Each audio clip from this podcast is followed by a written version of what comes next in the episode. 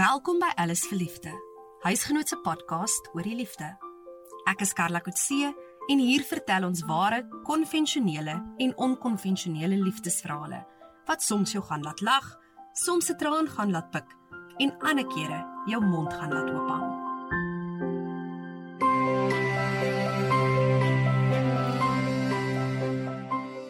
Baie tienermeisies droom van 'n tall, dark en handsome ridder wat hulle voete onder hulle gaan uitslaan. En baie jong vroue vereis dat hulle perfekte ridder langer is as hulle.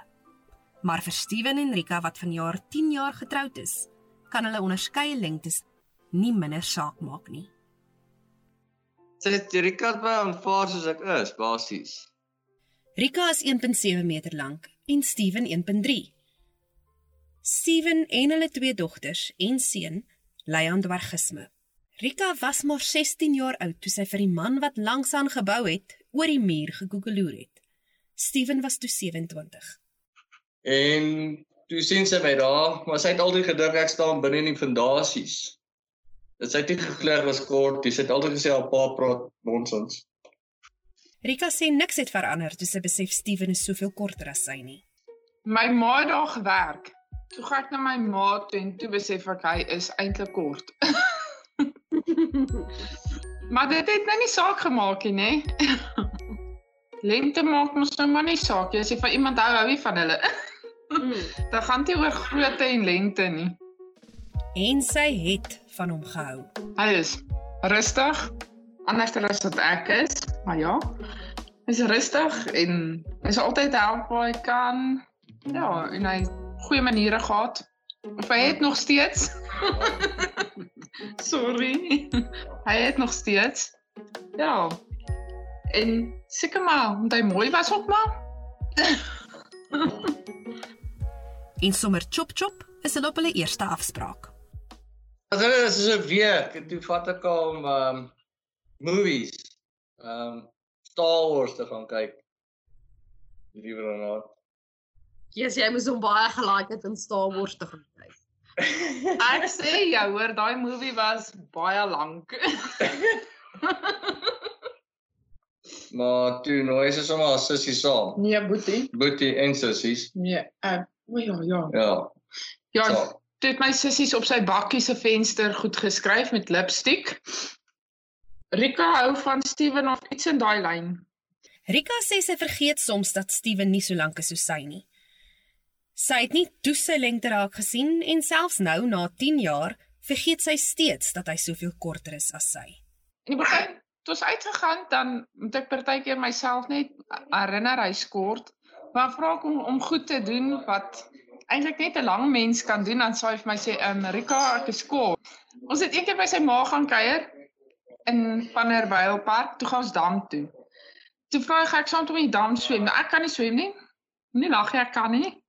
En ek sê van okay, hy moet eers inklim, dan kyk ons hoe hoe dan gaan kyk hoe diep is die dam. En dit vat hom tot by sy bors. Ek sê hom nee, Harry, daai is bietjie diep, nê? Nee, ek gaan nie inklim nie. Hy sê vir my, "Amerika, ek is kort." Dis ek sê, "O ja." die twee vertel hulle het nie groot aanpassings gemaak in die gesin nie.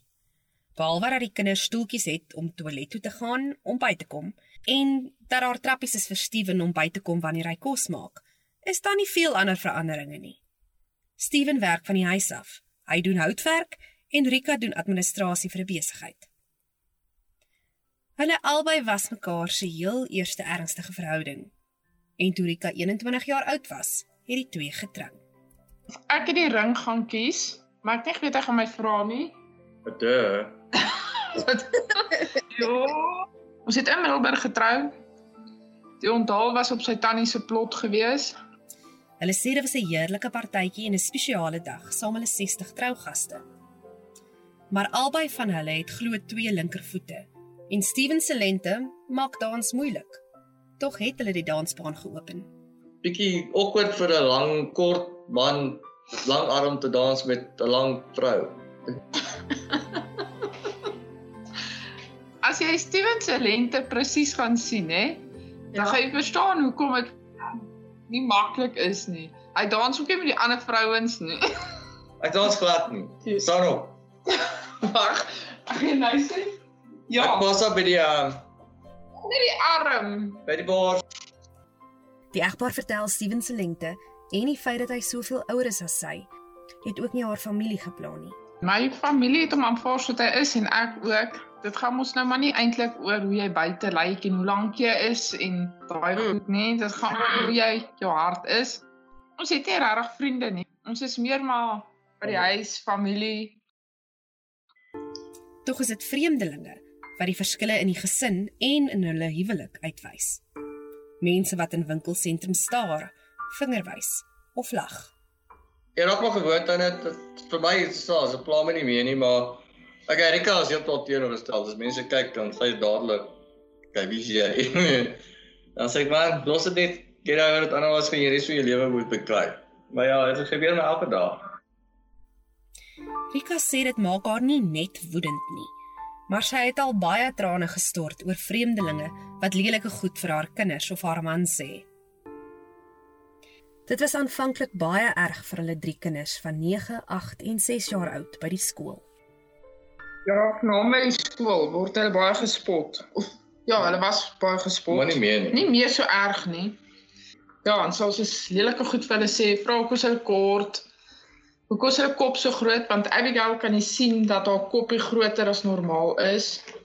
Dan sal ons dus vra, hoekom is haar kop so groot en wat soek hy in die skool? Hulle is te klein vir die skool en sulke goed. Al my oudste dogtertjie, sy vat dit baie moeilik. Sy wil nie ek so lank wees soos Steven nie. Sy wil so lank soos ek wees. So dit vang haar, so ons vermy die onderwerp net. Rika en Steven sê daar is nie regtig 'n manier om die kinders te troos nie. Al wat ons kan sê is hulle maar net verby dit gaan. En hulle is kort en die Here het hulle so gemaak so dan kan dan steur nie. Maar as jy leer maar, ja, jy lewe pas saam. Rika sê sy wens ek kan vir diegene wat lag of spot sê hulle moet ophou. So eenvoudig soos dit. En dat enige een se uiterlike verskille nie saak maak nie. Ja, dat hulle net moet ophou. Mense aanvaar soos wat hulle is. Dit is nie lekker as hulle sulke goed vir my kinders of my man sê nie.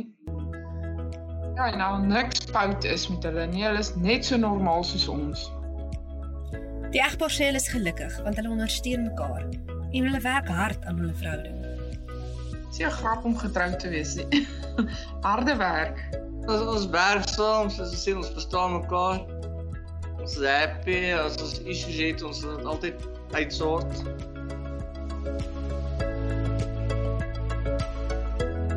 Alles vir liefde word deur my vervaardig en geredigeer. Finale klank deur François Haasbroek en Gys Visser.